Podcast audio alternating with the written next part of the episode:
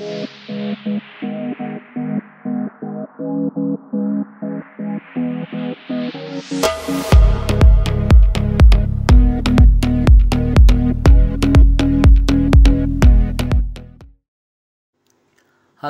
Assalamualaikum warahmatullahi wabarakatuh.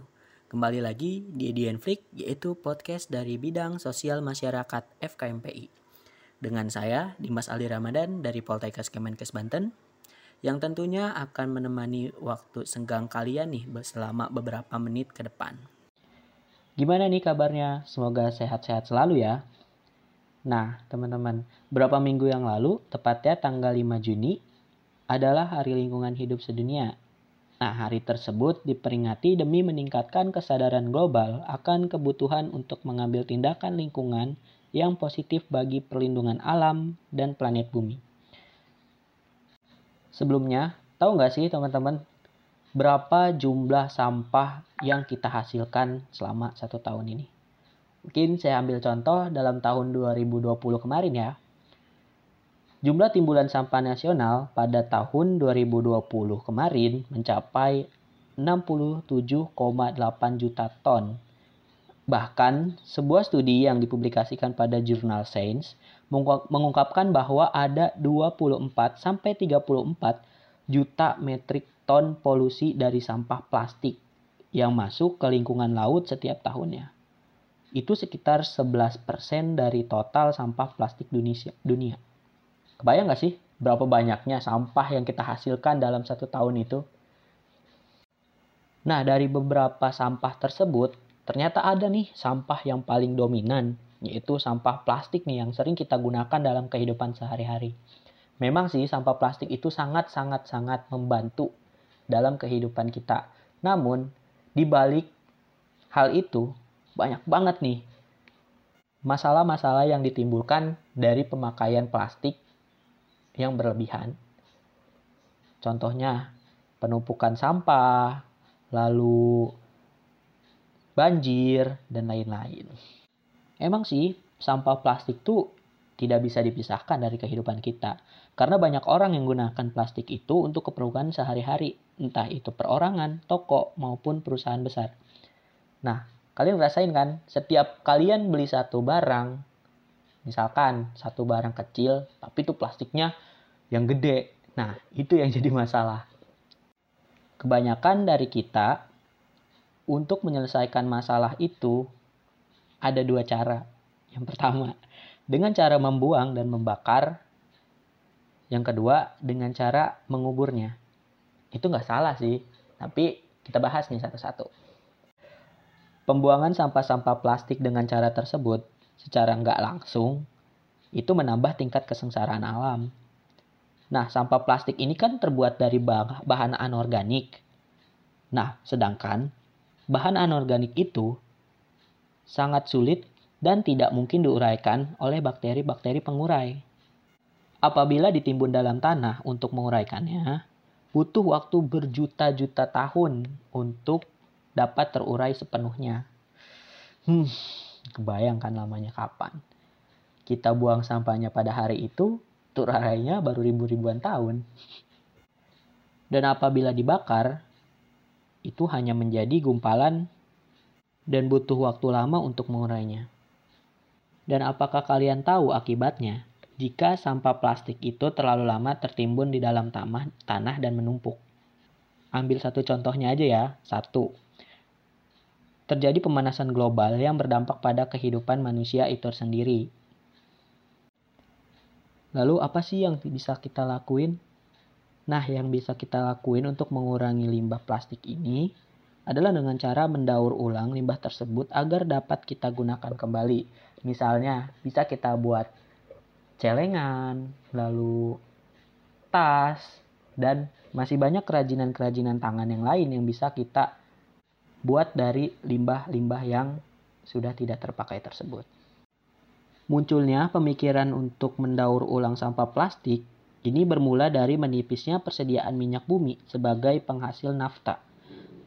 Nah, nafta ini merupakan bahan baku utama dalam industri plastik. setelah terjadi krisis minyak dunia pada tahun 1973 sampai 1974, para ahli mulai berpikir untuk mencari bahan baku alternatif pengganti nafta. Nah, beberapa bahan yang dicoba antara lain yaitu batu bara, kalsium karbit, dan bahan kimia sintetis lainnya. Karena ternyata biaya produksi menjadi lebih mahal, maka kemudian mereka mulai mencoba mendaur ulang sampah plastik yang mereka hasilkan. Dengan proses daur ulang yang mereka lakukan, ini berhasil nih untuk menekan biaya produksi jadi lebih murah dibandingkan dengan cara menjadikan nafta sebagai bahan baku untuk pembuatan plastik-plastik tersebut. Dan keuntungan lainnya, industri plastik ini tidak terlalu bergantung pada industri petrokimia sebagai penghasil nafta. Nah, latar belakang ini nih yang mendesak pentingnya proses daur ulang plastik adalah semakin meningkatnya penggunaan plastik.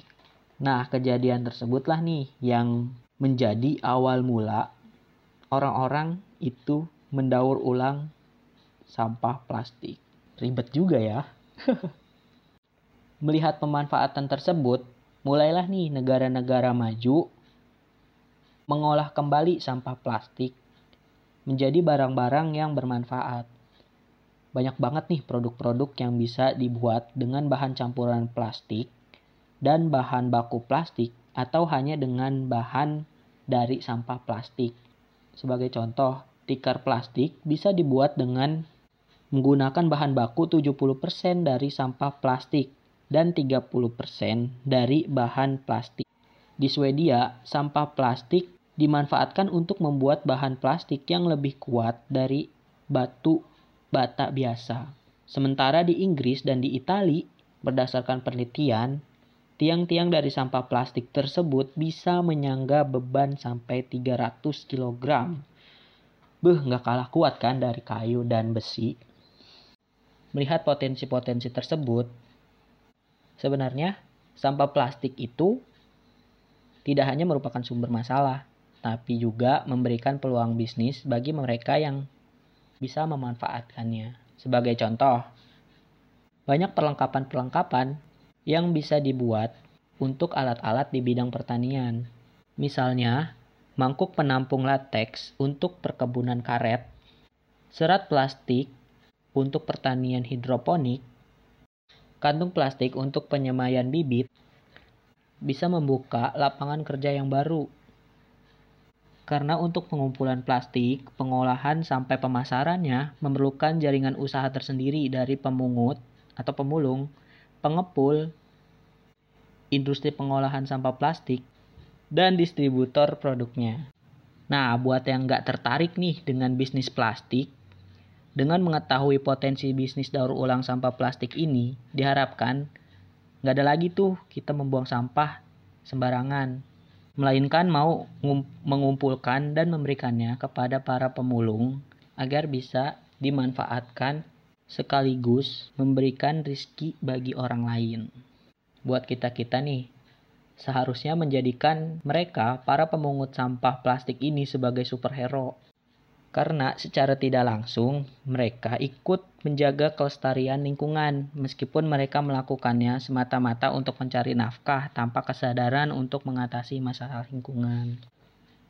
Sebenarnya banyak banget nih hal-hal yang bisa kita lakukan untuk mendaur ulang sampah-sampah plastik yang kita hasilkan sendiri.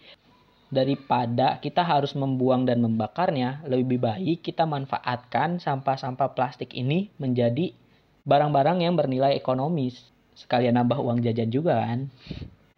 Nah, mulai sekarang ayo kita sadar betapa bahaya limbah. Mulailah kurangi penggunaan plastik. Mari kita mulai langkah-langkah kecil untuk mendapatkan langkah-langkah yang besar.